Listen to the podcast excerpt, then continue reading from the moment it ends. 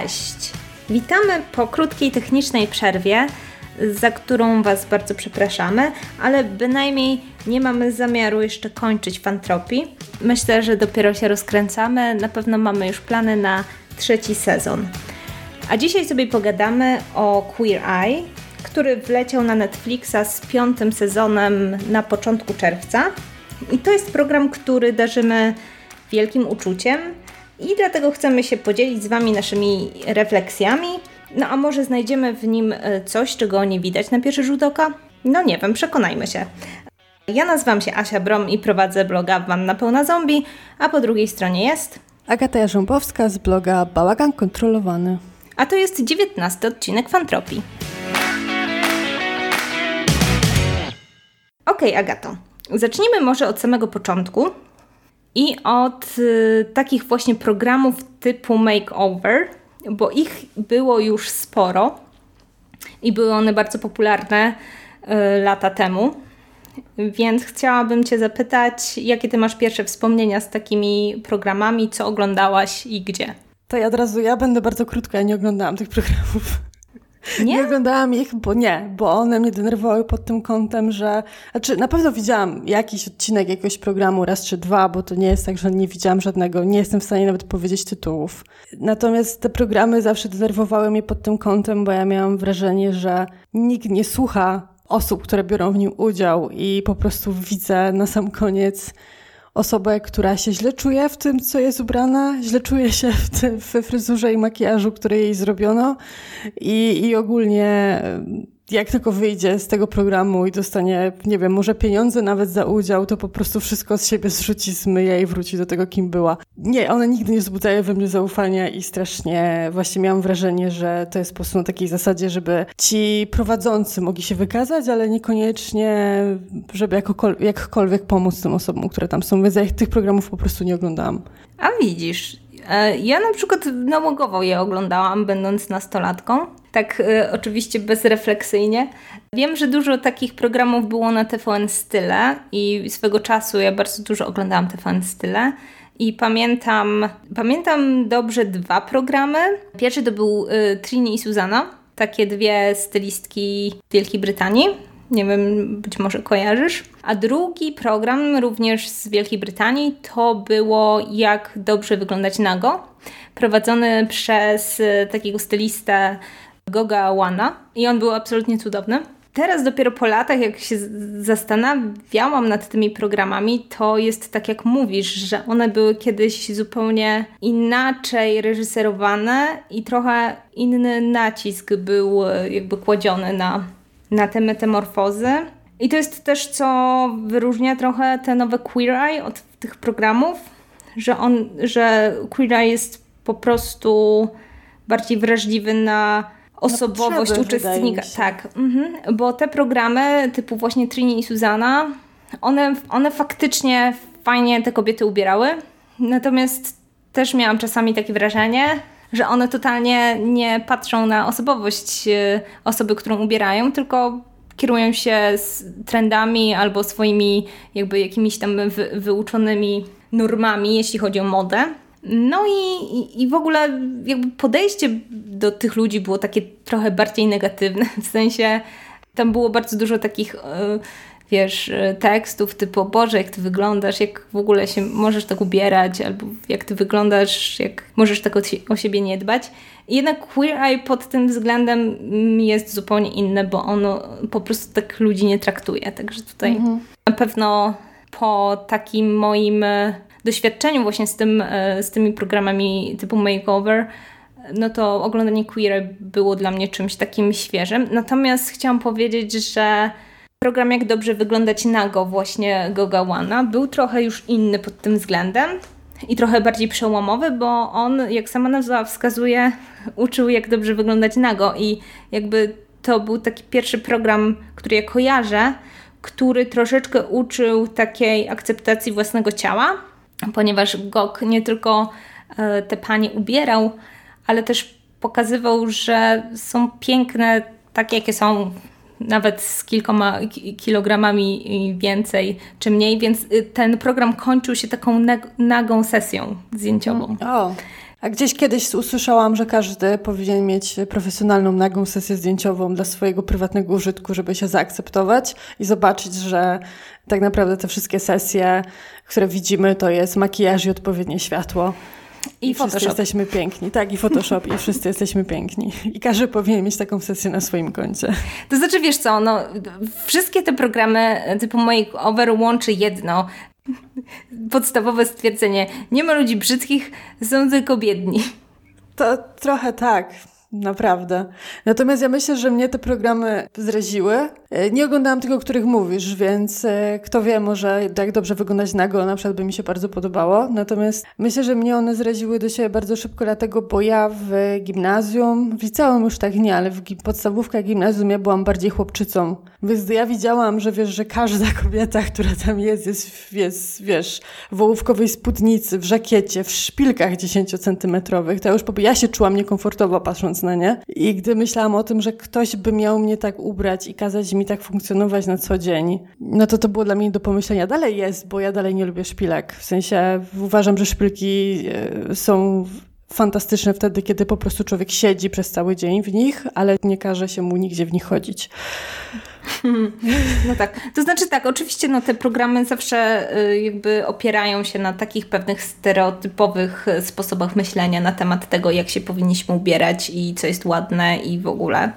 Więc, więc od tego no, trochę nie ma ucieczki nawet w bardziej nowoczesnym Queer Eye, mhm, więc, więc, więc taka, taka jest prawda, że no tutaj są jakieś tam pewne założenia, tylko właśnie najważniejsze jest tak naprawdę podejście do tego, do tego uczestnika.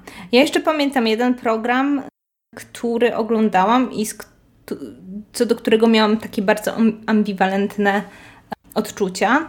I to był taki program, y, polski program, y, chyba się nazywał Doktor Szczyt, nie wiem, coś takiego. W każdym razie on był, to był taki makeover, ale taki już ekstremalny, bo to były operacje plastyczne po prostu. Auć. Więc tutaj y, wchodzą już, wiesz, takie tematy takiego mocnego nieakceptowania swojego ciała, mhm. które się też sprowadza do tego, że po prostu musimy je poprawić chirurgicznie. No i tak, i z jednej strony my wiemy, że, że, że kultura, media, reklamy wpychają w nas jakąś wizję na przykład kobiecości, tak, idealnej kobiety, właśnie tej wyretuszowanej.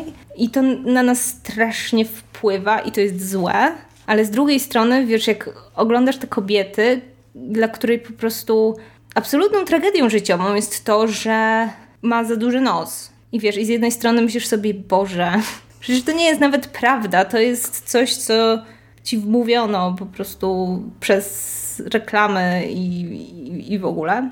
No ale z drugiej strony, kimże jesteś, żeby po prostu komuś odmawiać tego, że jeśli się po prostu bardzo źle czuje z jakąś częścią swojego ciała i ma ku temu okazję i są takie możliwości, które daje medycyna, to właściwie czemu się tego tego nie pozbyć. Więc tutaj to jest zawsze problem, e, troszeczkę taki jak, nie wiem, z makijażem, wiesz, bo bo z jednej strony my wiemy, że, że ten makijaż jest troszeczkę taki kulturowo wymuszony, bo nie wiem, bo tak się po prostu, wiesz, utarło, że się powinniśmy malować, powinnyśmy, bo to głównie dotyczy kobiet, i bardzo wiele dziewczyn czuje po prostu presję. Ale z drugiej strony jest bardzo wiele dziewczyn, które po prostu lubią się malować, tylko że tak naprawdę ciężko już w tym momencie odróżnić jakby presję społeczną od naszych własnych preferencji. Ja sama nie wiem na przykład dlaczego, ponieważ ja nie wyjdę z domu bez makijażu. Ja się lepiej czuję y, z makijażem, uważam, że lepiej wyglądam, mhm. ale sama nie jestem w stanie, wiesz rozróżnić, czy to są naprawdę moje własne preferencje, czy to jest właśnie coś, co zostało mi wpojone. Powiem Ci, że dla mnie bardzo dużym przeskokiem takim psychicznym było to, że właśnie, żeby wyjść z domu bez makijażu i mi się to nieraz zdarzało. I teraz już jest dla mnie normalne. Ja się maluję, bo, bo się maluję, ale nie, nie jest dla mnie problemem wyjście z domu bez makijażu, jeżeli nie mam czasu się wymalować. Natomiast było to dla mnie bardzo ciężkie do przejścia psychicznie.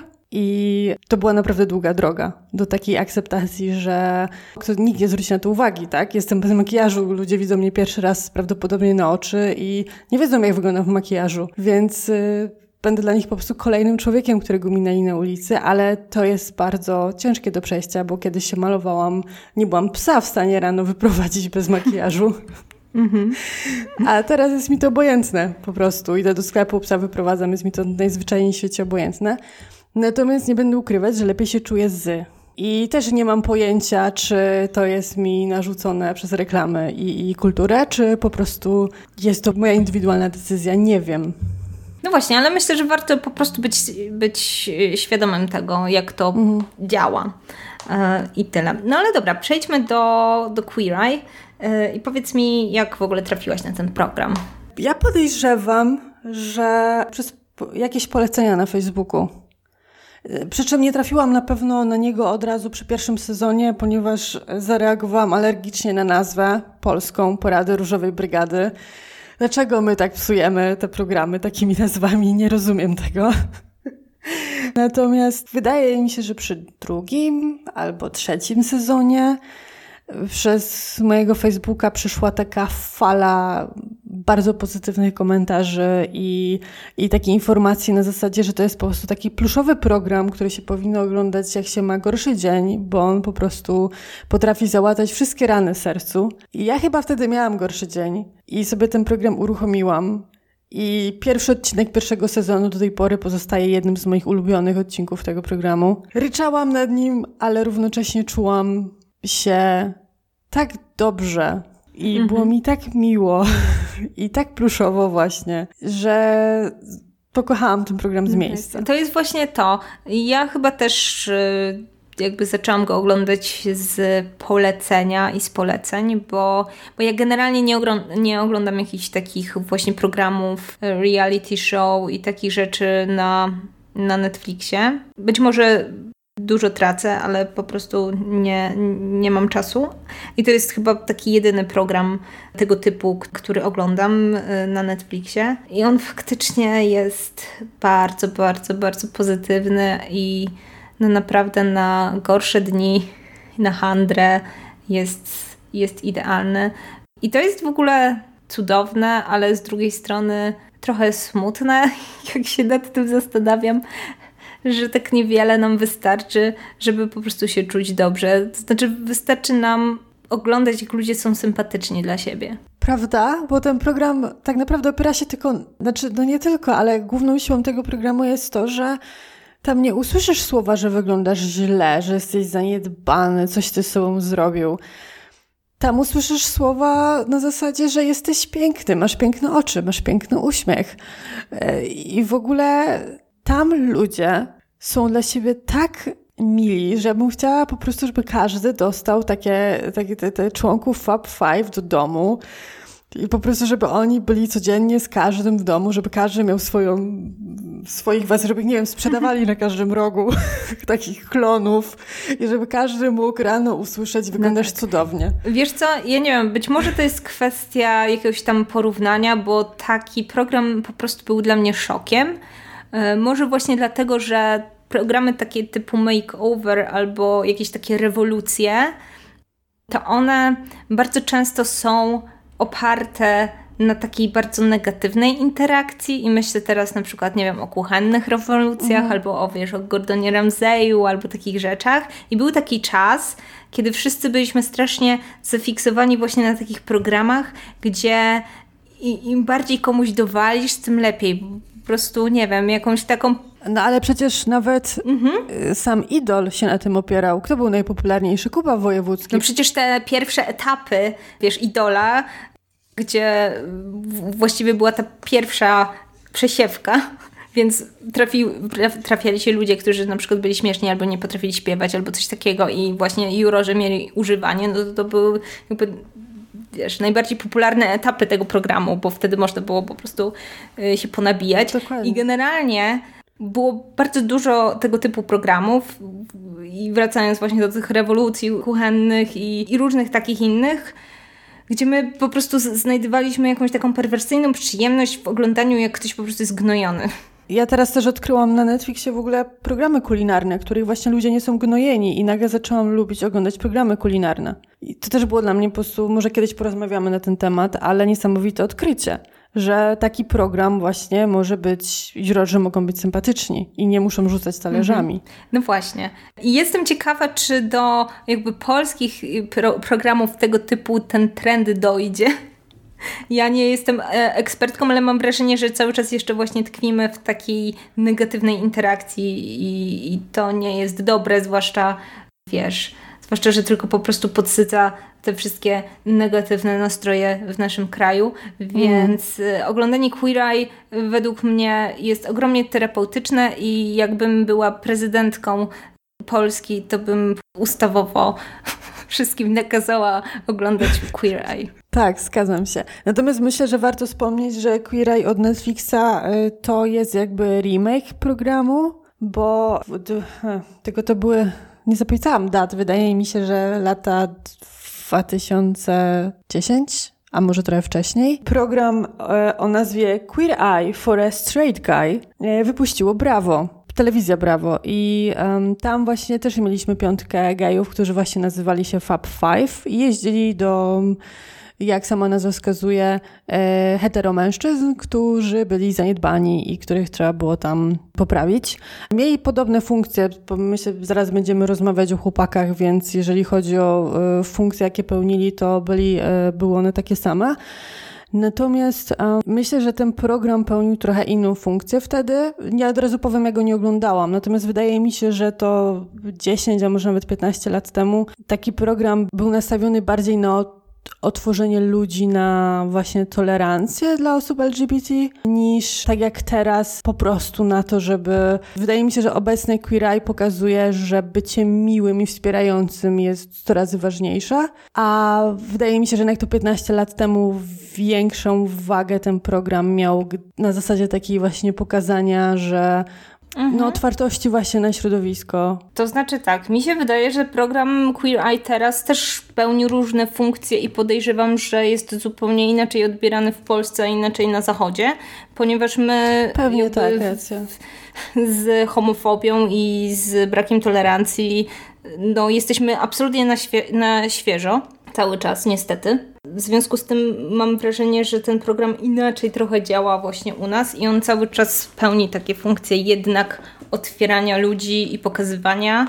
Tylko, że właśnie i o tym jeszcze porozmawiamy, bo to jest pewien problem, wydaje mi się, z tym pokazywaniem, no ale, ale dojdziemy do tego. W każdym razie w Polsce jednak ja bym bardzo chciała, żeby, żeby bardzo dużo ludzi obejrzało Queer Eye, bo ja mam takie przekonanie, że jeśli obejrzysz Queer Eye i nadal jesteś e, homofobem, to znaczy, że nie wiem, już ci chyba nic nie pomoże. No ale może porozmawiamy o członkach, bo jeżeli nie oglądaliście Queer Eye, to, to na pewno Was interesuje, e, kto jest Fab Five. I może zaczniemy od Jonathana, który w programie zajmuje się fryzurami i pielęgnacją. I moim zdaniem Jonathan to jest taka taki, taki diament, do którego trzeba dbać i, i, i, chronić za wszelką cenę. Mhm. O, Jonathan jest super. Y, I myślę, że warto tutaj zaznaczyć, ponieważ ogólnie przyjmuje się mówić, że Queer Eye to jest program prowadzony przez piątkę gejów, co jest nieprawda. Jonathan jest osobą niebinarną, więc tutaj myślę, że warto to podkreślić. Jonathan jest cudownym człowiekiem i naprawdę takim jasnym punkcikiem i, i, takim, taką iskierką w, w, w całej piątce, ale jednak, jednak wszyscy są cudowni, więc, więc tak naprawdę ciężko mi jest na przykład jakiegoś swojego faworyta znaleźć, szczerze mówiąc. Chociaż ha, chociaż ja bardzo lubię Karamo. Ale na, po piątym sezonie tak zaczęłam sobie myśleć, że y, bardzo dużą sympatią darzę Bobiego, bo to jest taki niedoceniany członek według ja mnie y, Fab Five, więc... Tak. Ale przybliżmy, Karamo zajmuje się szumnie nazwaną kulturą i stylem życia, e, a tak naprawdę chodzi o hmm, porozmawianie z osobami, które są w programie i próbę na pewno nie rozwiązania problemów, no bo to jest tydzień czasu, ale jakby pchnięcia ich do rozwiązania tych problemów i, i pokazania im może takiej perspektywy z zewnątrz. i, i tym zajmuje się Karamo. Jeżeli są jakieś e, kłótnie, czy rodzina na przykład jest nie do końca pogodzona, to on stara się zaaranżować spotkania na przykład tych osób. I wspomniałaś o Bobim. Bobby jest, y, zajmuje się architekturą wnętrz. I właśnie chciałam przy nim też powiedzieć, że Bobby ostatnio awansował właśnie na osobę, którą lubię najbardziej. I zastanawiałam się przed nagraniem tego odcinka, dlaczego. Wydaje mi się, że dlatego, że hmm, Bobby był tak bardzo niezauważany, bo moim zdaniem program nie do końca miał na niego pomysł ponieważ on się pojawiał trochę na początku i na końcu bardzo długo, tylko pokazując mieszkanie. I wydaje mi się, że on nie miał do końca takiej interakcji z osobami, którymi pomagał, no bo zajmował się remontem domu. I odkąd program wprowadził tak naprawdę co odcinek to, że Bobby wybiera się trochę do sklepu z tymi osobami, i, i, i rozmawia z nimi nie do końca o samej dekoracji wnętrz, ale opowiada też o sobie i, i rozmawia z nimi w ogóle o życiu. I, I na przykład, jeżeli widzi jakieś punkty wspólne, to, to mówi, że on też tak przeżył, też tak miał, i bo Bobby pochodzi z bardzo religijnej rodziny. W ogóle znalazłam, znalazłam informację, że został wychowany przez Amiszów, a warto dać, że jest adoptowany więc w wielu sytuacjach Bobby potrafi się odnaleźć, jeżeli chodzi o sytuacje życiowe ich podopiecznych. I odkąd program zaczął go bardziej pokazywać od tej strony, zrozumiałam, że przez bardzo długi czas przeczułam członka, który tak naprawdę od razu podbiłby moje serce, tylko właśnie program nie umiał go pokazać mhm. w żaden sposób. No tak, ale to jest w ogóle też taka zaleta y, Queer Eye, że on że ten program nie pokazuje tylko właśnie piątki specjalistów, tylko przede wszystkim piątkę ludzi, którzy mają swoje doświadczenia i mhm. którzy też się dzielą tymi doświadczeniami, które no często bywają też bolesne, więc tutaj to jest taka, taka duża zmiana, jeśli chodzi o takie programy, bo kiedyś te programy właśnie typu makeover polegały tylko na takiej interakcji typu specjalista, uczestnik, i ten specjalista był po prostu tylko właśnie e, kimś, kto miał e, bardzo wąską specjalizację i miał nakierować tego uczestnika na coś i go ubrać albo zrobić mu mieszkanie albo fryzurę i nic o nim nie wiedzieliśmy tak naprawdę. Natomiast tutaj jednak ten program i siłą tego programu jest to, że nie dość, że chłopaki no, są specjalistami w swoich dziedzinach, no to jeszcze my poznajemy ich przy okazji i, i ich doświadczenia życiowe i mm. to jest właśnie takie inne i takie fajne. Um, no dobra, ale jeszcze co? Jeszcze mamy, mamy Antoniego, czyli nasz najcenniejszy towar eksportowy. To prawda. E, Antoni, e, ten, Antoni ma rodziców, którzy są Polakami. W sumie też jest Polakiem urodzonym w Kanadzie. Nawet um, rozmawia po polsku. Z tego co słyszałam, to umie. No i on się zajmuje gotowaniem i jedzeniem i w ogóle. I jest przecudownym, przeuroczym człowiekiem. E, mamy jeszcze Tana, który zajmuje się modą. I co? I tyle, tak? Tak. Tak, tutaj też chciałam zaznaczyć, bo tak dajemy, y, kto jest skąd i, i tak dalej, więc czytanie warto powiedzieć, że y, on z kolei jest jedynym Brytyjczykiem w zespole, więc wszyscy się śmieją ciągle z jego akcentu. Natomiast on z kolei y, jest, pochodzi z rodziny i teraz nie chcę tego zepsuć, ale nie do końca wiem, jak to po polsku określić. Pochodzi z muzułmańsko-pakistańskiej rodziny. Chyba tak po polsku to będzie poprawnie. Także mamy tutaj tak naprawdę dość taki, wydaje mi się, ciekawy też w ogóle przedział chłopaków z różnymi doświadczeniami, bo jednak nie pochodzą wszyscy z takich samych rodzin, wychowanych tak samo kulturowo, nie mają tych samych doświadczeń ze sobą, co wydaje mi się też bardzo w ogóle cenne dla takiego programu, gdzie no, dobór uczestników, o ile jeszcze w pierwszym sezonie był dość podobny, bo byli to heteroseksualni mężczyźni, tak, sezonu na sezon on się zmienia, ponieważ zaczynają się pojawiać także e, uczestniczki. No tak, bo zaczynają się pojawiać po prostu osoby też nie heteronormatywne z właśnie LGBT i, i, i tych uczestników jest sporo i właśnie są różni i mają też różne problemy i wydaje mi się, że program też mm, zaczyna tak właśnie różnicować tych uczestników pod kątem ich jakby największych bolączek, no bo jak poznajemy uczestnika, to szybko się okazuje, że na przykład, nie wiem, no największym wyzwaniem będzie na przykład y, właśnie dom, albo największym wyzwaniem będzie ubiór, albo największym wyzwaniem będą właśnie jakieś tam rzeczy z przeszłości, albo jakieś takie rzeczy, które, które powiedzmy Karamu musi jakoś tam załatwić, więc, więc to jest też takie ciekawe, no bo gdyby tak zachować tą jedną formułę takiego po prostu zwykłego robienia kompleksowej metamorfozy, no to może byłoby trochę nudno, a przez to, że ci uczestnicy mhm. są różnorodni i też właśnie specjaliści nasi są różnorodni, no to tutaj te interakcje są po prostu o wiele ciekawsze. Tak, tak, tym bardziej, że właśnie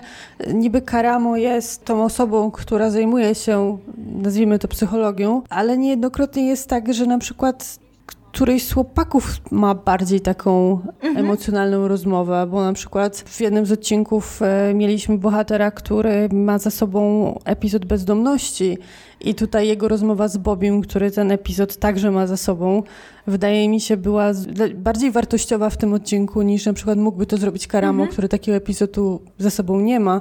E, podobnie Antoni, który otwarcie mówi, że mm, kontakt z jego mamą jest no, praktycznie żaden i, i, i jego rozmowy w tym momencie na temat trudności nawiązywania kontaktów z rodziną są wtedy dużo bardziej wartościowe, prawda? No bo on ma to doświadczenie i może coś na ten temat więcej powiedzieć.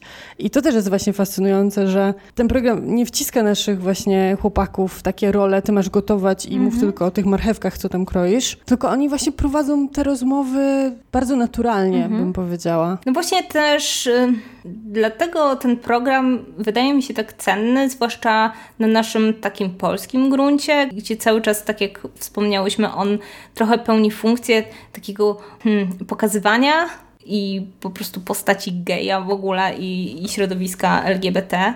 I też to, że jest ich piątka i mają właśnie bardzo różne doświadczenia i są bardzo od siebie odmienni, jeśli chodzi o osobowość, to jest też bardzo cenna lekcja. To znaczy, dla nas to jest oczywiste, ale nie dla wszystkich takie jest. Zwłaszcza, że jeśli chodzi o reprezentację, właśnie czy osoby LGBT, czy geja, czy lesbijki, czy y, nie wiem, jeszcze do tej pory nawet kobiety w, w kulturze, niestety popularnej, to wiesz, to było tak i już o tym rozmawiałyśmy nieraz, że jeśli masz film albo serial i masz po prostu jednego geja albo jedną kobietę, to ona jakby musi uosabiać te wszystkie cechy stereotypowo kobiece albo wiesz, takie stereotypowo mhm. przy, y, przywiązane właśnie do postaci geja. I to jakby zupełnie nie poszerza horyzontów, bo my mamy taki właśnie jakby popkulturowy jakiś obraz tego geja i według mnie Queer Eye próbuje w jakiś sposób pokazać, że, że, że, że tak nie jest, że jakby każdy człowiek jest inny jak się spojrzy w ogóle na, na chłopaków, wystarczy tak naprawdę tylko kilka odcinków, żeby zobaczyć, że oni ubierają się inaczej, zachowują się inaczej. Nie da się z nich zrobić jednej osoby, która miałaby w serialu czy filmie zaprezentować mhm. esencję wszystkich. Po, po prostu jest to niemożliwe. Bycia, bycia nie hetero. Jakby nie ma czegoś takiego i ja wiem, że jakby może ta nasza dyskusja dla wielu osób, które nas słuchają i mają otwarte głowy, będzie się wydawać trochę żenująca, ale no niestety my żyjemy teraz w takim kraju, gdzie takie po prostu podstawowe rzeczy trzeba tłumaczyć, gdzie kilka dni temu w internecie ukazała się akcja, gdzie osoby LGBT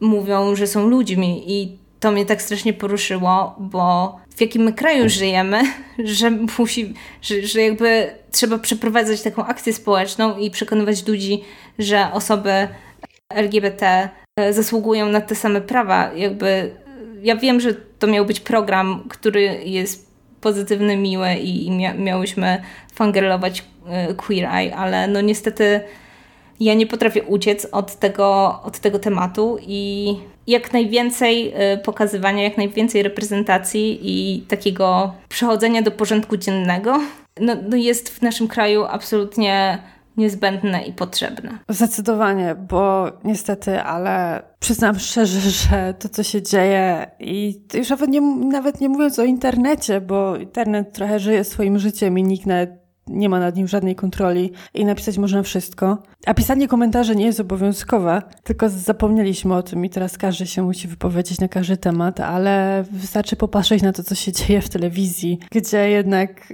nad każdym przekazem, który pójdzie w eter, pracują sztaby ludzi i to wszystko jest po kolei gdzieś tam akceptowane. Tak negatywne przekazy i tak agresywne przekazy i tak nieludzkie przekazy są dopuszczalne do, do transmisji i to mi się już w głowie nie mieści, bo komentarz na Twitterze czy na Facebooku pojedynczych osób to jest jedno, ale to, że my w ogóle dopuszczamy takie komentarze do, w publicznej telewizji, to jest już dla mnie o, nawet nie o krok za daleko, tylko to o jest już dla mnie daleko. o wiele za daleko. To jest jakbyśmy się cofali po prostu trochę w historii i zastanawiali się, kto ma prawo być człowiekiem, a kto nie. Więc taki program jak Queer Eye według mnie jest bardzo potrzebny i warto go polecać.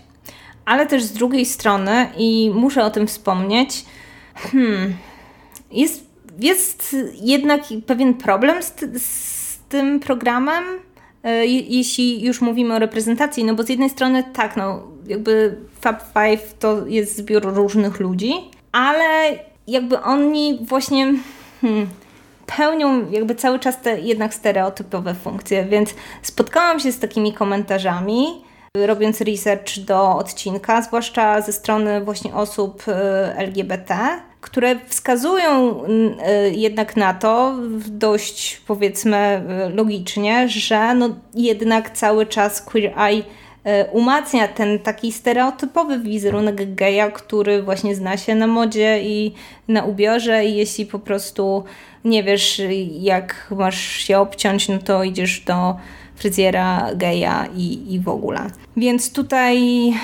chciałam poczynić taką uwagę, że to nie jest do końca tak, i, ale, ale tak jak wspominałam, wydaje mi się, że w innych środowiskach, w innych krajach można tak dywagować i ja to rozumiem, ale u nas jakby jesteśmy totalnie w dupie z tym, szczerze mówiąc. W związku z tym dla mnie jeszcze w ogóle, wiesz, nie ma, nie ma tego typu dyskusji u nas, tylko, tylko właśnie pokazywanie tego środowiska i im więcej po prostu reprezentacji, tym lepiej. Mhm. Ja myślę, że to może być taki program, może być po prostu pierwszym krokiem, i, i który otwiera drzwi do, do kolejnych programów, które może mogą być mniej stereotypowe z punktu widzenia środowiska LGBT, ponieważ tak mi się wydaje, że najważniejszy jest ten pierwszy krok, a Queera jest bardzo, bardzo popularny, więc wydaje mi się, że to jest takie wsadzenie trochę nogi w drzwi i zrobienie możliw- i, i zrobienie jakby tego, tej pierwszej możliwości na, na inne programy, na kolejne seriale czy, czy filmy, które już pokażą um, inną perspektywę. Natomiast to jest dobra uwaga i dlatego też wydaje mi się zawsze warto słuchać osób, które są bezpośrednio zaangażowane mm -hmm, w mhm. sprawę, że się tak wyrażę, bo nic mnie bardziej nie Tutaj oczywiście rozmawiają dwie y, dziewczyny, które są hetero, ale powiedzmy sobie szczerze, y, nic mnie bardziej nie y, denerwuje, jeżeli mamy rozmowę na temat jakichś problemów, jakiejś grupy i ta grupa nie jest dopuszczona do głosu. Mhm. No właśnie tylko rozmawiają osoby, które są zawsze z większości i, i dlatego tutaj zawsze warto właśnie spojrzeć też na komentarze przy takich programach samych osób zainteresowanych, no bo oni oni wiedzą lepiej od nas, powiedzmy sobie szczerze. No. no właśnie, dlatego ja troszeczkę po prostu czuję się niekomfortowo, jakby zatrzymując się na tym temacie i bardzo chętnie poznam Wasze y, komentarze i Wasze refleksje na ten temat. I jeśli jesteście bezpośrednio jakby zainteresowani tematem i jesteście LGBT, napiszcie nam, co, co sądzicie, bo też właśnie uważam, że no tutaj dywagujemy i, i też chciałam e, dokopać się i, i, i, zwrócić uwagę na, na pewne rzeczy, natomiast no, no to są po prostu właśnie cały czas dywagacje osób, które, które nie są jakby bezpośrednio, bezpośrednio e, związane z, z tym tematem, więc, więc tutaj zostawiam to pole dla, dla ludzi, którzy wiedzą lepiej i ja zawsze Dokładnie. chcę słuchać i też moja jakby jakaś tam opinia na ten temat się kształtuje właśnie na bazie też tego, co, co słyszę i co mówią moi przyjaciele i znajomi. Dokładnie. Jeżeli e, nie chcecie nam zostawić komentarza, który jest dostępny dla wszystkich, zachęcamy do napisania nam maila. No pewnie. Dobra, ale właśnie to przejdźmy może dalej. Co jest tak naprawdę najcenniejsze w Queer, w queer Eye i, i za co sobie cenisz najbardziej ten program? Myślę, że za to, że właśnie słuchają uczestników. W sensie, jeżeli ktoś ma pracę, w której nie musi, wiesz, chodzić w garsonkach, bo nie pracuje, nie wiem, w banku e, i, i ma jakiś swój styl, którego po prostu nie umie tylko, mm, nie wiem, zinterpretować, czy bardziej dobrać, to wiesz, że chłopcy nie wpadają na zasadzie takiego, dobra, wywalam wszystko, co tu masz, w ogóle nawet nie patrzę na twoje ubrania. Nie patrzę, jakie kolory ci się podobają i w ogóle mnie to nie interesuje, wcisnę cię w to, co mi się podoba, tylko bardzo dokładnie sprawdzają tak naprawdę, kim chcesz być i jak byś się chciał ubierać, bo co jest ważne, uczestnicy często na przykład y, pochodzą właśnie z biedniejszych rejonów i na przykład ubrania, które posiadają nie są na przykład bardzo często ich wyborem, tylko niejednokrotnie są to ubrania, które dostali. I to, co mi się podoba, to bardzo często jest to, że są zabierani na przykład do sklepów czy miejsc, gdzie można kupić ubrania bardzo tanio. To niekoniecznie są, tan nie idzie z nimi do najwybitniejszych projektantów, gdzie bluzka kosztuje 5 tysięcy dolarów, tylko pokazuje sklepy na przykład, że tutaj możesz znaleźć bardzo tanio, bardzo ciekawe ubrania. To, co mi się też podoba, to jest, e, to jest to, że te przemiany czasem są szokujące, bo, bo czasem są i, i w sensie, że po prostu tą przemianę widać gołym okiem, ale nie zawsze. I jest kilka takich odcinków, gdzie tak naprawdę to, co się najbardziej zmienia w um, uczestniku, to, to nie jest koniecznie jego fryzura, która tak naprawdę w programie zostanie tylko delikatnie podcięta. Y, to nie są koniecznie szokujące stroje, tylko po prostu jakby takie delikatne poprawki. W sensie y, dalej rozpoznajesz osobę, na którą patrzysz. I, I to nie jest na zasadzie, że jak masz włosy do pasa, to ci musimy skrócić do ramion, bo coś trzeba zrobić. Tylko podetniemy ci końcówki, jeżeli dalej kochasz swoje włosy do pasa i, poka i pokażemy ci, jak o nie dbać, żeby były piękne. Dlatego bardzo mi się podoba to, że to nie jest też taka zmiana wymuszona, bo zawsze to mnie najbardziej odstręczało z tych programów, że to jest.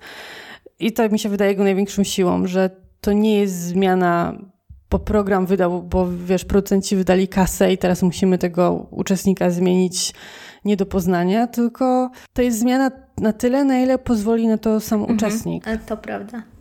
Nie wiem, dla mnie na przykład hmm, no takim, najważ takim najważniejszym przesłaniem Queer Eye i przesłaniem, z którym się zgadzam, to jest takie przesłanie typu, wiesz, dbaj o siebie i jesteś warty czy warta tego, żeby o siebie zadbać, nawet jeśli masz dużo rzeczy na głowie, nawet jeśli mhm. na co dzień przejmujesz się innymi ludźmi, poświęć 10-15 minut na siebie, bo taki zdrowy egoizm jest po prostu nam bardzo potrzebny, więc, to, więc według mnie Queer Eye też właśnie mm, pokazuje to i to jest jakby najważniejszym takim przesłaniem tego programu, że każdy z nas po prostu zasługuje na to, żeby sobie troszeczkę e, czasami dogodzić sobie i żeby zadbać o siebie i żeby zrobić coś dla siebie i nie tylko właśnie patrzeć zawsze na innych i dbać o innych i są, jest wiele osób, zwłaszcza y, kobiet,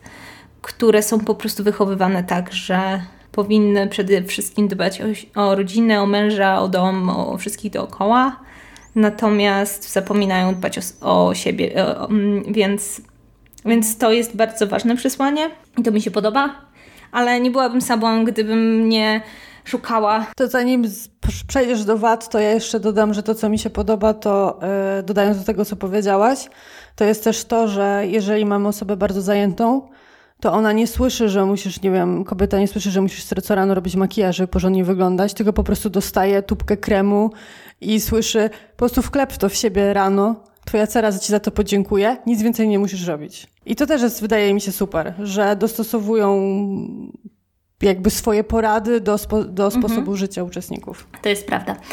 Agato, czy ty w ogóle zauważasz jakieś wady tej produkcji? W pewnych momentach jest zacukierkowata. W sensie, w szczególności jeżeli chodzi tak naprawdę o to, co robi Karamo, ponieważ um, pewne problemy, w szczególności jeżeli chodzi o um, na przykład problemy rodzinne, wydają mi się za prosto rozwiązane. W sensie, jakoś nie do końca chce mi się wierzyć, że wiesz, jeżeli nie rozmawiasz z kimś pięć lat, to, to nagle jedna rozmowa w telewizji e, wszystko rozwiąże. A program trochę tak to przedstawia. To jest trochę mój największy problem. Na takiej zasadzie, że um, program trochę. Jasne, on musi taki być, bo to jest jego konwencja, ale trochę za bardzo prezentuje to tak, jakby życie tych uczestników po tym tygodniu naprawdę po prostu zmieniło się o 180 stopni.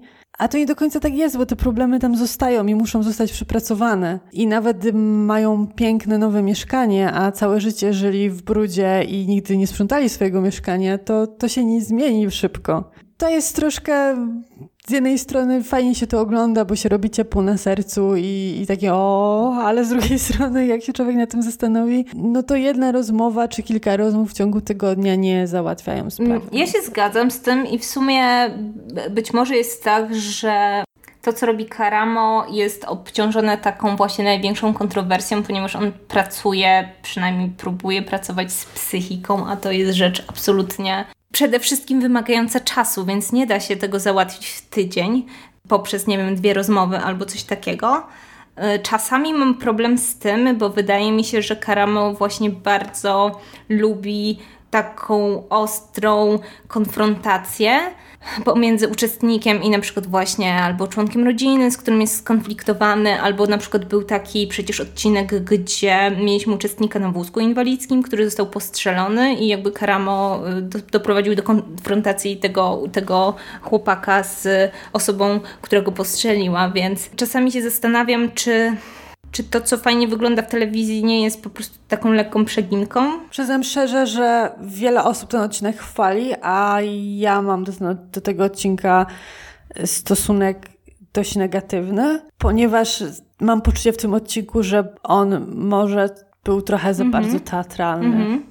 No, to znaczy tak, no to jest też cały czas program właśnie typu makeover na Netflixie, więc no może za dużo oczekujemy, ale, ale faktycznie no tutaj jeśli chodzi o takie układanie ludziom w głowach, no to zawsze trzeba się liczyć z pewnymi kontrowersjami, zwłaszcza, że ja na przykład niestety nie przypominam sobie, bo to też nie jest tak, że jakby każda, e, każdy uczestnik ma jakieś głębokie problemy psychiczne, czy, czy, czy jakieś traumy, które musi przepracować, bo tak nie jest.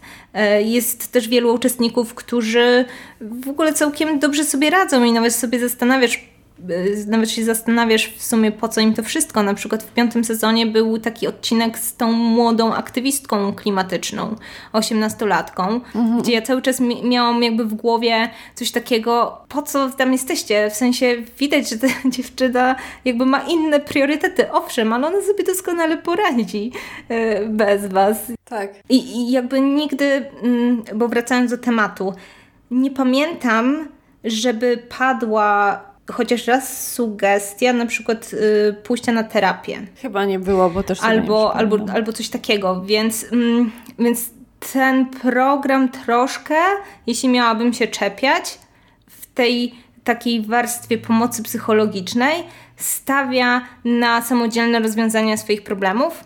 I na przykład właśnie Karamo, nie wiem, jest właśnie bardzo nastawiony na takie y, zamykanie rozdziałów i konfrontacje a to nie zawsze tak działa, ponieważ nie można po prostu powiedzieć tak, że y, jakby skon skonfrontowanie się ze swoim, z Twoim, nie wiem, oprawcą albo osobą, z którą się kłócisz albo która Cię skrzywdziła, zawsze, y, zawsze Ci pomoże, bo, bo to jest zbyt, wiesz, uniwersalne rozwiązanie, żeby działało, nie? Dokładnie, tym bardziej, że no, ja zawsze mam wątpliwości, czy te rozmowy są na 100% szczere, kiedy są mm -hmm, odbywane no tak. przed kamerą. W sensie jasno jestem w stanie uwierzyć, że na przykład uczestnik otworzy się przed y, Fab Five, no bo spędza z nimi tydzień czasu. Natomiast jeżeli przychodzi nagle osoba, która właśnie widzi ich po raz pierwszy czy drugi i została po prostu gdzieś tam zapytana przez producenta, czy zgadza się na taką rozmowę, to ja nie do końca wierzę, że ta rozmowa mogła pójść tak stuprocentowo, wiesz... Mhm. Szczerze. No tak.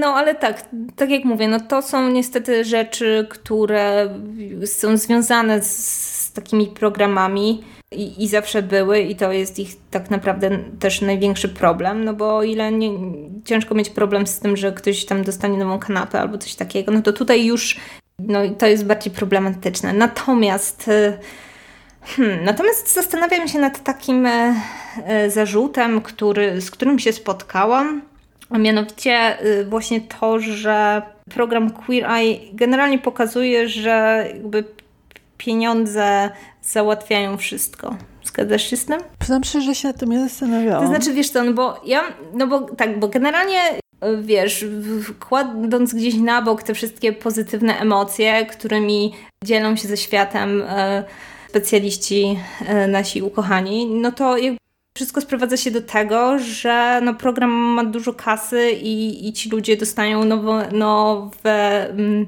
meble, nowe garderoby, nowy wygląd, nowe zęby i generalnie idzie na to strasznie dużo kasy. Spotkałam się z takim zarzutem, że ten taki wymiar taki materialistyczny i materialny jest taki bardzo, bardzo wyraźny ja rozumiem te zarzuty, ale powiem szczerze, że nie wiem, czy się do końca z nimi zgadzam. To znaczy, nie wiem, wydaje mi się, że ja mam trochę inny problem z tym, ponieważ ja do tej pory na to nie zwracałam uwagi, bo byłam skupiona na tych wszystkich właśnie pozytywnych aspektach tego programu, ale jakoś tak od piątego sezonu zaczęłam bardziej to dostrzegać i chyba dlatego, że nie wiem, no mieliśmy ostatnio i cały czas y, mamy do czynienia z takimi bardzo dużymi niepokojami w Stanach Zjednoczonych i jakby ta tematyka w ogóle Stanów Zjednoczonych i tego, jak tam wygląda społeczeństwo, jak się tam żyje, to było coś, y, no, czym się zaczęłam po, powiedzmy bardziej interesować ostatnimi czasy. I oglądając teraz Queer Eye, zaczęłam dostrzegać tą Amerykę w tyle. Mhm. I zaczęłam dostrzegać, że jakby większość uczestników którzy występują w Queer Eye, to są osoby po prostu ubogie. I z jednej strony danie im nowych ciuchów, czy nowego mieszkania, czy domu jest ekstra, bo ja na przykład nie, nie lubię stwierdzenia, że pieniądze nie dają szczęścia, bo mnie się wydaje, że to jest y, takie. Mm, narzędzie opresji i kontroli i, i takiego utrzymywania status quo w społeczeństwie. W społeczeństwie, które jest nie, nie, bardzo nierówne i, i, i, są grupy, które, którym się bardzo opłaca powiedzieć osobie, która, y, wiesz, jest biedna, że no ale wiesz, przecież pieniądze szczęścia nie dają, nie? No tak, tylko że jeżeli ta osoba zastanawia się, czy ma sobie kupić obiad, czy zapłacić za rachunki, to nagle pieniądze dają szczęście. I wiesz, i też dla mnie na przykład Queer Eye pokazuje, że czasami wiesz, że ktoś ci wyremontuje mieszkanie i twój komfort życia po prostu się poprawia i twoje szczęście też się może poprawić i to nie jest tak, że nie. Tylko, że jakby jak wiesz, jak się przyjrzysz, to widzisz ludzi, którzy mieszkają w opłakanych warunkach, a jednocześnie pracują przez 14 godzin na dobę. I myślisz sobie, że coś jest nie tak. I na przykład, nie wiem, był w piątym sezonie taki odcinek z tą dziewczyną e, Rayaną, która prowadziła, próbowała prowadzić swój własny biznes, e, mhm. fryzjerstwo tak. dla psów. I ona miała taki model biznesowy, że miała takiego kampera, którym jeździła do klientów i ten kamper jej się zepsuł w pewnym momencie. To był taki bardzo zdezolowany stary kamper. No i jak jej się zepsuł, no to tam musiała go gdzieś tam zaparkować przy domu rodziców i on tak sobie stał przez dwa lata i ona cały czas pracowała. No i, i jakby widzimy dziewczynę, która mówi, że pracuje po prostu całe dnie i nie ma po prostu środków na to, żeby z tym biznesem ruszyć dalej i nie ma środków na to, żeby tego, tego kampera naprawić. A, a, trzeba to jeszcze zaznaczyć, że ona powiedziała, że sam pomysł na biznes jej chycił i ona miała bardzo wielu klientów, tylko problem zrobił się w momencie, w którym mhm. nie mogła do nich dojechać i zostali tak naprawdę kilku naj, kilku, kilkunastu najwierniejszych, którzy byli gotowi do niej podejść. Ale cała reszta niestety została utracona przez to właśnie, że nie mogła do nich dojechać. E, problem z Ameryką jest taki, że Ameryka jest krajem bardzo dużych podziałów I ja się zaczęłam o tym przekonywać, e, kiedy e, jeszcze bardziej, bo gdzieś tam w głowie to wiedziałam, ale jeżeli chcecie trochę posłuchać o tym, jak wygląda Ameryka i, i choćby to, jak, jak się spłaca studia w Ameryce, taki z naszego polskiego punktu widzenia problem, który nie istnieje. Ja bardzo polecam program Hasana Minash Być Patriotą, po angielsku Patriot Act. To jest bardzo, to jest program w stylu e, The Last Week Tonight with John Oliver na HBO. Myślę, że sporo osób go może znać. Więc jest to program e, z jednej strony informacyjny, z bardzo dużym bardzo dużym zapleczem, jeżeli chodzi o research, bo tam są i wykresy, i dane, i, i tam jest naprawdę bardzo dobry research zrobiony, a równocześnie wszystko jest podane w bardzo lekki sposób i przyplatane żartami. Natomiast polecam program Hasana bardzo z tego względu, że on przygląda się właśnie Ameryce, bardzo temu, jak funkcjonuje. Nie tylko, ponieważ on jest pochodzenia, um, on jest muzułmaninem e, hinduskiego pochodzenia, jeżeli się nie mylę. I więc on też y, przedstawia na przykład to, jak, jak wygląda demokracja w Indiach, co zresztą jest fascynujące, ale to, jak on mi otworzył oczy w ogóle, jaki problem jest w Ameryce, ponieważ to jest kraj, w którym za wszystko trzeba zapłacić. I nawet jeżeli chcesz wezwać karetkę, bo coś się stało w domu, to musisz najpierw przeliczyć, czy cię stać na wezwanie karetki. Ameryka niestety jest właśnie takim krajem, w którym jesteś albo bogaty i masz pieniądze, albo ich nie masz. I Queer Eye właśnie moim zdaniem pomaga tym ludziom, ponieważ tak jak powiedziałaś, jeżeli mieszkasz w upłakanych warunkach i ktoś ci remontuje mieszkanie, to on poprawia twój komfort życia. Y, z drugiej strony, no oczywiście, y, nie wiem, może ja mam za duże oczekiwania, może ja wiem, że ten program do tego nie służy. Chodzi mi o to, że po prostu on nie dotyka jakby istoty problemu, ponieważ słowo bieda nigdy tam nie pada, ale prawda jest taka, że, że to jest główny pro problem uczestników y, Queer Eye. Bieda tak. po prostu i to, że zaliczają się do ludzi, którzy są tak naprawdę biednymi pracującymi. To jest taka grupa ludzi, nie tylko w Stanach, bo w Polsce też mamy problem, y, że jest bardzo, bardzo dużo ludzi, którzy naprawdę bardzo dużo pracują i cały czas mają problem z jakimś godnym życiem, więc to jest duży problem i, i jakoś tak, nie wiem, zaczęłam po prostu ten pro problem bardzo, bardzo dostrzegać w tym programie i owszem, on mhm. jakby powierzchownie pomaga, ale też nie cały czas nie dotyka sedna tego pro problemu, bo bo jednak wiesz, to jest program amerykański i pomimo wszystkich właśnie tych problemów Ameryki, to tam cały czas ten kult takiego zapieprzania. Tak na sukces jest bardzo, bardzo żywy, więc tutaj nie ma w ogóle, wiesz, kwestionowania tego. Po prostu pracuj ciężko i um, zrobimy ci tak. I jakoś się ułoży. Właśnie jakby to jest największe kłamstwo naszego systemu, w którym żyjemy. To tak nie działa. I, i, i to jest właśnie, właśnie to, że fajnie, że takie programy typu właśnie makeover trochę pomagają, ale dla mnie to jest taki, wiesz, bardzo słodki i miły yy, i fajny cukiereczek, który nam ten nasz system rzuca. Proszę bardzo, pracujecie ciężko, no to macie, przyjedzie do Was po prostu piątka y, facetów i Wam po prostu y, wszystko zrobi. Zwłaszcza, że na przykład y, ten program polega na tym, że uczestnicy są nominowani przez e, właśnie znajomych albo rodzinę, albo coś takiego. Oni też się mhm. sami nie zgłaszają. To jest troszeczkę coś innego I, I, właśnie mam takie wrażenie, że ludzie, którzy zgłaszają tych uczestników, to właśnie są ludzie, którzy zgłaszają ich e, jakby dając im taki prezent. Bardzo ciężko pracujesz na naszą społeczność, więc nominuję Cię do, do Queer Eye, żebyś miał trochę lepiej.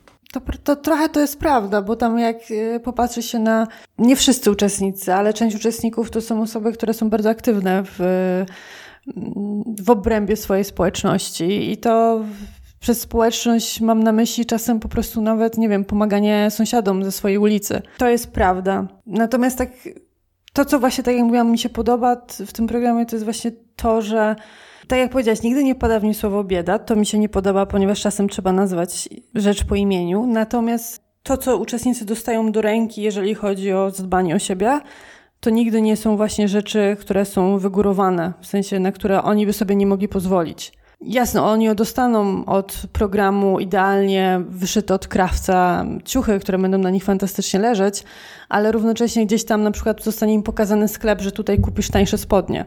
Także yy, nie wiem, mo może trzeba stworzyć, wiesz, jakiś program typu faktycznie rewolucję po prostu. I piątka, I piątka po prostu lewaków, którzy chodzą i nie dość, że robią makeover, to jeszcze nawołują po prostu do obalenia systemu. tak. Ale ja się chcę przyczepić jeszcze do jednej rzeczy. Ponieważ Queer Eye ma... Ciężko to nazwać sezonem, bo on jest w Netflixie wrzucony jako całkowicie osobny program. Natomiast nasze Queer Eye pojechało do Japonii. Mhm. I uważam, że to był bardzo duży błąd. Tak. I bardzo źle mi się ten sezon oglądało. Nie oglądałaś go? Ja go nie oglądałam. Z tego właśnie powodu. Nie słyszałam, znaczy czytałam taką bardzo dogłębną analizę tego sezonu napisaną przez osobę zainteresowaną tematem. Była to y, dziewczyna właśnie z Japonii. E, tak jak ja tutaj chwalę od samego początku, że oni słuchają uczestników i, i dobierają wszystko pod uczestników i, i tak dalej, i tak dalej, to niestety trudno mi powiedzieć, czy to był zamysł producenta, czy to oni nie potrafili się odnaleźć, ale tak w sezonie w Japonii stali się głusi na wszystko. W ogóle nie byli zainteresowani kulturą japońską. W sensie przez kulturę japońską mam na myśli przede wszystkim stosunki międzyludzkie, ponieważ ich rozwiązania pasowały do Ameryki. To w moment, w którym mieliśmy um, mamę z córką, które po prostu mu powiedziały, że no w Japonii jest taka kultura, że nie bardzo mówi się sobie, że się kocha. I wiesz, tłumaczyły mu to wszystko, jak te stosunki wyglądają. To Karamo był tak jakby głuchy całkowicie na to wszystko i, i kazał im codziennie mówić, że się kochają. W sensie, no nie zmieniasz tych ludzi. Ale moim zdaniem jeden z najgorszych odcinków, jaki tam był, to był odcinek, w którym dziewczyna, e, nominowany był chłopak, jego dziewczyna pracowała w takiej restauracji, w której była ubrana jak na nasze europejskie standardy, europejskie i amerykańskie. Trochę tak, jakbyś poszła do nocnego klubu i, i wiesz, i miała bardzo kusą spódniczkę, bardzo takie z naszego punktu widzenia sugestywne i seksualne ubranie. Przy czym to było takie, to było coś w rodzaju fartuszka, coś w tym stylu, ale ono no, nam nasuwało tylko jedno skojarzenie. Podejście do tego było trochę takie, czy nie przeszkadza ci, że twoja dziewczyna tam pracuje? Nie przeszkadza ci, że się tak ubiera i tak dalej, i tak dalej. I nie było żadnego zastanowienia się w sumie, dlaczego takie restauracje w Japonii są dozwolone, jakie samo Japończycy mają do tego podejście. Program się tym w ogóle nie zastanowił. Zastanowił się też nad tym, na przykład, dlaczego na tym pracuje, czy ma jakikolwiek w ogóle wybór, żeby pracować gdzie indziej. Tylko miał takie właśnie podejście, wiesz, bardzo amerykańskie do, do, do tego problemu. Plus była tam rozmowa, ponieważ i to był moment, w którym w ogóle byłam, to był pierwszy moment, w którym na Karamo się strasznie zezłościłam, e, ponieważ była tam, ta para miała ogólnie problemy z seksem i oni ze sobą nie uprawiali seksu, pomimo, że byli małżeństwem od bardzo długiego czasu. No i Karamo doprowadził do rozmowy. Oni ze sobą porozmawiali, pogodzili się, wytłumaczyli sobie pewne rzeczy, po czym chłopak zrobił się na tyle emocjonalny, że wyszedł. I w tym momencie Karamo, wiesz, nie powiedział tej dziewczynie idź za nim, albo nawet, nie wiem, nie zostawił tego chłopaka w spokoju, żeby on doszedł do siebie, tylko wyszedł do niego i go przytulał i obydwoje prawie, i tamten chłopak płakał, Karamo był taki smutny i go tulił, a ta dziewczyna, ta jego żona została sama w osobnym pokoju i tam sobie po prostu siedziała w samotności. I dla mnie to było takie, ej, chwila, ty rozwiązujesz problem małżeński. To nie ty powinieneś tu stać i przytulać tego chłopaka. Nie powinieneś zostawiać tej dziewczyny tam samej. W ogóle co tu się wydarzyło? I niestety ten sezon japoński jest sezonem, który pokazuje, wydaje mi się, jak bardzo amerykocentryczna jest Ameryka. No tak, no także ja słyszałam o tym i dlatego też postanowiłam nie oglądać tego sezonu akurat. chciałam sobie psuć jakby y, dobrych skojarzeń z tym programem.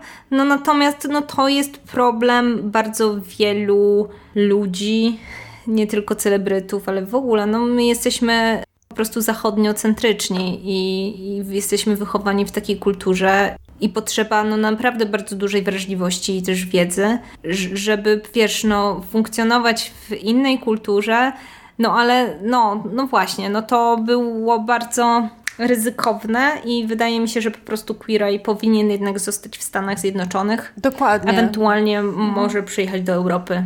E, bardzo chętnie bym bardzo chętnie bym zobaczyła Queer Eye. Aczkolwiek wiesz co, ciekawa jestem o tyle, że nie wszystkie takie typowo amerykańskie podejście, nie każde typowo amerykańskie podejście będzie miało przełożenie. Ciekawa jestem, jakby to wyszło. Ostatnio miałam, znaczy mam takie skojarzenie, bo ostatnio nawet słuchałam, jak e, rozmawiały osoby, które prowadzą biznes w Polsce, że dużo się uczyły od biznesów zagranicznych, ale zawsze trzeba wziąć poprawkę na to, że to jak jest prowadzony biznes zagraniczny, nie zagra jeden do jednego w Polsce.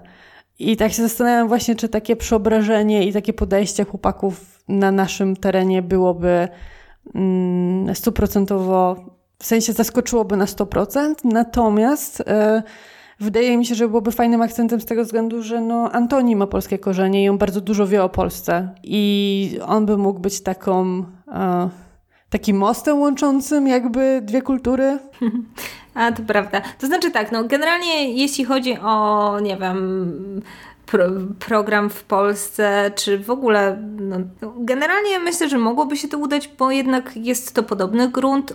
U nas cały czas jest taka właśnie większa jednak walka cały czas i z homofobią i z toksyczną męskością i wydaje mi się, że taka też rzecz, która pomaga w e, jakby rozmontowaniu właśnie tej toksycznej męskości, no to, to też jest właśnie program Queer Eye, który e, właśnie uczy takiej wrażliwości, pokazuje, że jak jesteś facetem, to też możesz się przytulić do nas i możesz sobie popłakać i to nie jest nic złego i można być wrażliwym i, i, i to jest całkowicie okej, okay, więc jakby tutaj też na gruncie takiego, takiej walki z, z mhm. tą toksyczną męskością, no Queer jest spoko. Więc ja myślę, że, że to powinien być e, taki główny akcent, gdyby na przykład program miał być e, prowadzony do Polski. Natomiast nie wiem, szczerze mówiąc, chciałam zakończyć ten odcinek jakimś pozytywnym akcentem. A to jak go zakończę pozytywnym akcentem w takim razie? Ponieważ e, to, za co kocham Kuraj, to jest to, że on e, bardzo sprawnie uczy akceptacji siebie. W sensie, jeżeli chodzi o wygląd zewnętrzny.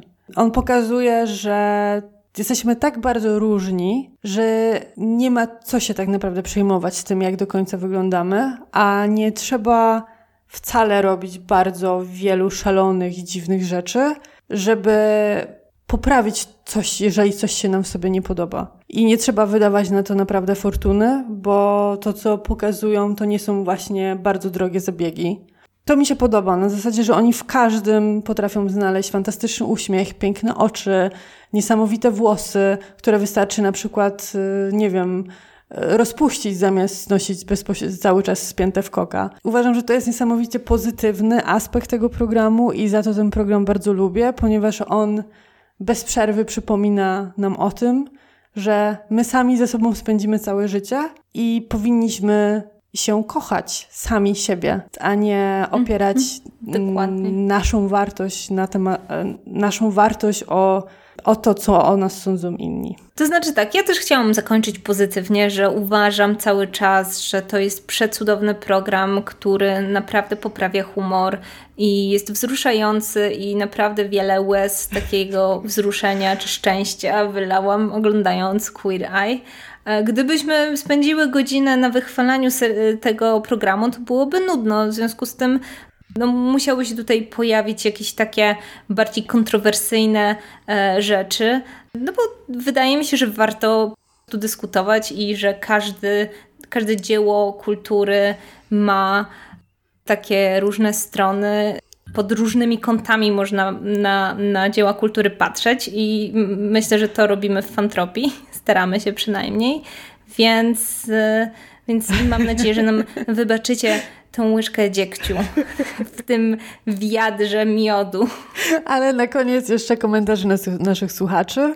Tamara napisała: Ktoś, kto wpadł na ten program, powinien dostać medal. Nie jest to taki typowy makeover jak inne, które wymuszają w bohaterów coś nowego. Tutaj słuchają, doradzają, pokazują dobre cechy postaci i ulepszają po prostu to, co w nich dobre. Poza tym jeden odcinek z tymi chłopakami i życie po prostu jest lepsze. No tak, no i to jest doskonałe podsumowanie, myślę, tego programu. Dokładnie tak. I Sylwia napisała, było sporo zarzutów w stosunku do japońskiego sezonu i w sumie się z nimi zgadzam, z tym, że bardzo amerykańsko podchodzili do tych zupełnie odmienno kulturowo i obyczajowo Japończyków. Ale poza tym program uwielbiam i grzeje mi serduszko bardzo mocno. No i właśnie od tego jest ten program, żeby grzać serduszko. Dokładnie tak. E, naprawdę polecamy, żebyście spróbowali sobie go obejrzeć e, i ja Wam gwarantuję, że pierwszy odcinek pierwszego sezonu sprawi, że obejrzycie wszystkie. Bo to jest naprawdę, ten odcinek jest dla mnie niesamowity i był dla mnie objawieniem.